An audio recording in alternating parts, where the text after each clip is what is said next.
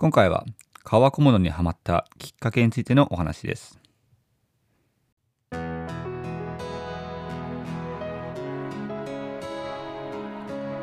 ヒロトのフラット独り言第82回目の配信です、えー最近はますます、えー寒さが増してきたということでやっぱりこういった時期には食べ物を食べて体を温めるのが一番かなと思ってます、あ、それこそ最近は、えー僕自身ですねまあ一個ハマってるものがあって、まあ、刀削麺ってご存知ですかね？あの刀を削る麺って書いて刀削麺って言うんですけども、まあ、ラーメンに似たような食べ物で、まあ、水で練った小麦粉の塊を、まあ、専用の包丁で打った麺っていう風に書いてあったんですけども、えーこれはですね、まあ、僕のオフィスの近くに中華料理屋さんがあるんですけども、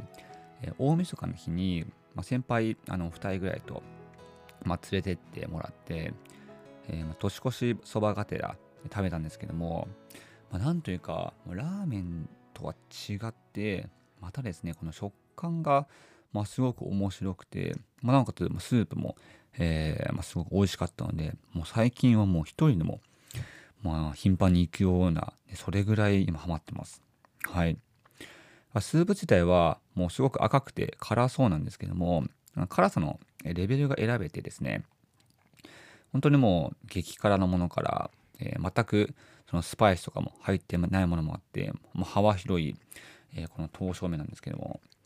まあ麺自体はまあ水豚みたいな見た目をしてて、えー透明な水豚的なイメージかな、うん。でその上にパクチーが乗ってるっていういかにもアジアの食べ物っていう感じがするこの刀削麺なんですけども、えーぜひともですね、あのーまだ食べてない方は一度、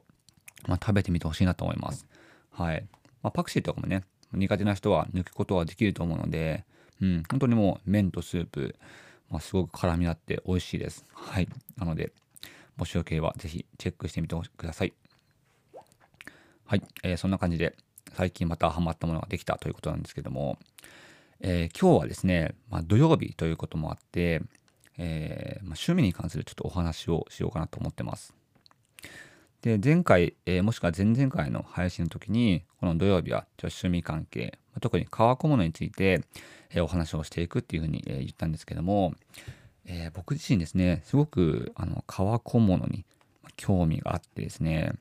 まあ、結構、え買わなかったとしても例えばショッピングモールの、えー革製品を扱っているとこに、まあ、足を運んでちょっとね質感を味わってきたりとか、はいまあ、そんなことしてます。なので、まあ、結構、まあ、お店かお店からしたら、ね、迷惑な客かもしれないんですけども、まあ、そんな感じで、まあ、楽しんだりとかあとは僕自身もいろいろバッグとかあとは、まあ、定期入れとか、まあ、それこそネガ、えーメガネケースとかいろんなところであの革製品をちょっと使ってましてですね、はい、もうこれがもう、ね、あの手に取るたびにその質感が変わっていくので、その経年劣化っていうのをすごい楽しんでます。はい。なのでね、こんな感じでいろいろと、えー最近すごく革製品に親しんでるわけなんですけども、えー今日はですね、えーなぜそもそも革製品にはまったのかについて、ちょっとあの振り返りも兼ねてお話をしていこうと思います。はい。えーそもそもですね、革製品ってじゃあどういうものを言うのかっていうと、えーまあ、それこそ、まあ、動物の皮を加工して、まあ普段使いとして使えるようにしたもの、まあ、全般を言うんですけども、えー例えば有名なもので言ったら、まあ、牛の皮牛皮ですね。あとは馬とか、えー羊とかヤギなんかもあったりしてあと豚とかもありますね。そんな感じでねいろんな、えー生き物の皮というものが、まあ、使われてるんですけどもまたこれがですねその動物の種類とかあとはその動物の成長段階例えば赤ちゃんとか、えーそれとも子供の皮とかあとは青年の皮青年青年でいいのかな成人えーまあね大人の皮のによって、まあ、種類とか、あの特徴は全然違ってですね、まあ、これがまた面白いなと思ってるんでこのあの同じ皮でもやっぱりあの同じものはないんだなっていうねことがすごく僕はハマる要因としてあります。はい。で、そもそも、なんでね、この革製品に、あの、まあ、ハマっていったのかというとですね、もともとは、えー、まあ、ある時ですね、トートバッグをちょっとね、買い替えようかなと思ってですね、で、そのトートバッグっていうのも、今までもう高校時代から、まあ、ずっと使っていたので、まあね、ちょ買い物袋みたいなあのトートバッグなんですけども、まあ、それがいよいよボロボロになってきたということで、じゃあちょっと買い替えようかということで、まあでもね、どうせ買い替えるなら、なんか、うん、長く使えるものがいいなっていうふうに思っていたので、やっぱり長く使えるものって言ったら、えー、僕の中でパッと浮かんだのが、やっぱ上質なものを使ってる。うん。なんか簡単には、なんだろう、傷がつかなかったり、うん。あとは、破れにくかったり、ね。そういった形で、えー、まあ、そんなに頻繁に物を買い替えるタイプでもなかったので、やっぱいいものを長く使いたいっていう思いがあって、まあ、そんな中でたどり着いたのが、まあ、革っていうことだったんですね。まあ、なので、どうせだったら、まあ、いい革を買おうかなと思って、で最初はですね、まあ、いわゆるブランドものとかを結構、まあ、漁ってました。えー、それこそ、まあ、これを機に初めて、まあ、ルイ・ヴィトンというね、あの、高級な、まあ、誰もが知ってるブランドあると思うんですけども、あそこに足を運んでみたり、あとはブルガリとか、あとはコーチとかね、まあ、そういういろいろと、まあ、物色する段階で、まあ、実際に足を運んだりとか、あとはインターネットでちょっとね、まあ、良さそうなものを探ってみたりとか、まあ、してみたんですけども、えー、ま、それで、実店舗とかショッピングモールとか行きますと、で、そこでですね、いろいろやっぱ物色していくと、まあその近くに、まあ、販売員さんがいるわけなんですね。で、その販売員さんが、やっぱり、あの、じっとね、革製品見てると、まあ近寄ってきて、あ、これね、こういう商品の特徴あるんですよとか、うん、あとはね、ちょっと、カバン持たせてもらって、鏡の前に立つと、まあ、すごく似合ってますね、みたいなことでね、まあ、すごく持ち上げてくれるんですけども、やっぱりですね、なんかその時に、うん、まあ、いわゆるその販売員ならではのセールス、うん、なんか気持ちの面で、まあ、こもってるか、こもってないのかよくわかんないような、はい、あの、なんですかね、もう誰にでも言うようなフレーズが、やっぱ飛び交ってくるんですね。で、その時に、うん、ちょっとなんか違うなって正直思ったんですね。まあ、もちろん、ま、高級なものは高級なもので、やっぱり物はすごくいいとは思ったんですけども、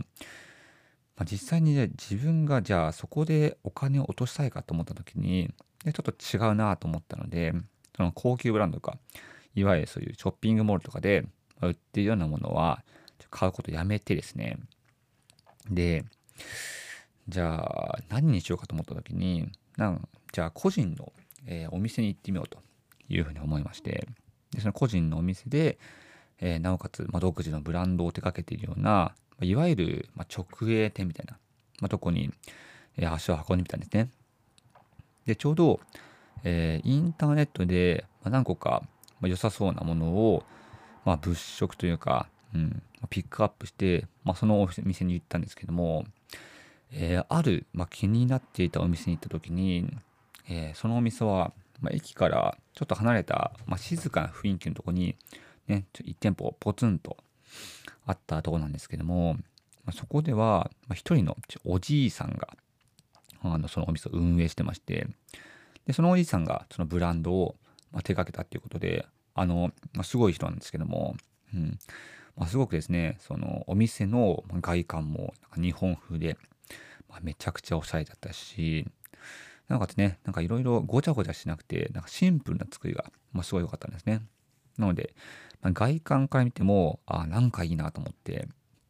実際に入っていろいろ、え、見させてもらいましたと。で、まあ、当然中に入っていくと、その、まあ、おじいちゃんが、うん、やっぱ一人いるわけなんですね。店員さんとして。で、まあ、もちろんその店員さんに会うわけだから、いろいろ、まあ、こんにちは、みたいな感じで言うんですけども、まあ、その時に、まあ、すごく僕自身で、あの、いいなと思ったのが、この質問をしてくださるんですけども、その質問が、その、じゃどんな商品がいいんですかとかではなくて、どっから来たんですかとか、どうやってこのお店を知ってくれたんですかって言ったように、あの、商品、物自体じゃなくて、僕自身のことを、知ろうと、してくれたんですね。で、その時に、あの、すごく嬉しかったと同時にですね、あの、そのおじいさんもやっぱり自分の商品を、まあ、扱ってるからこそ、じゃあこのお店はね、どれぐらい今続いていて、今ね、こういうものがすごく、えー、あのいいんですよっていうんだよね、まあ、すごくですね、自分の商品を大事そうに、なおかつ、まあ、嬉しそうに、えー、話をしてくれてですね、僕自身もね、いろいろ革製品のこと全く知らなかったのもあって、まあ、知識もすごく増えましたし、なおかつね、あの、そのお、そのおじいさんの話を聞いていて、あの、すごく楽しくなったのをすごく覚えてます。はい。なのでね、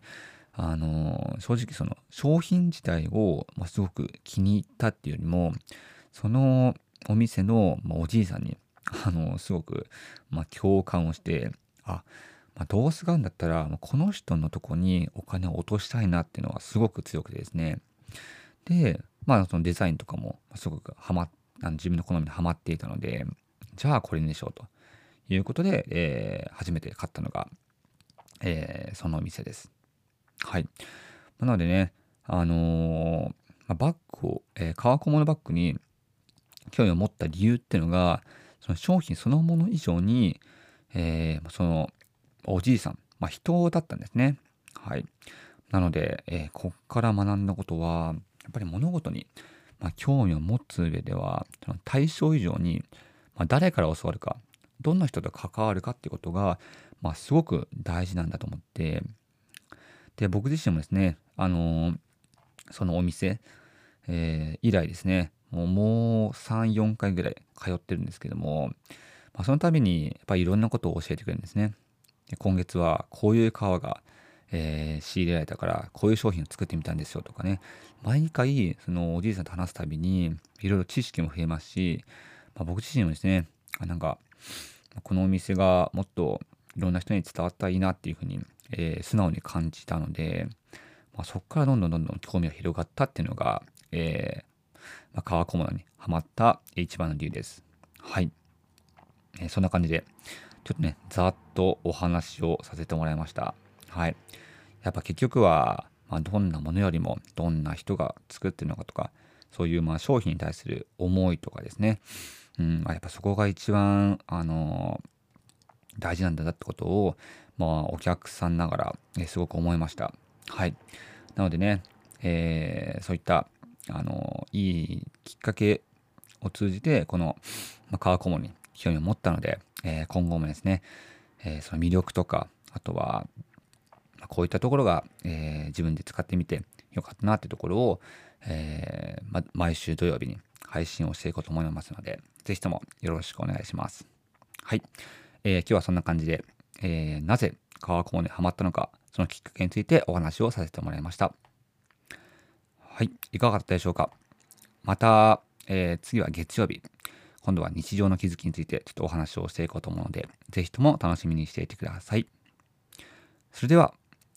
バイバイ。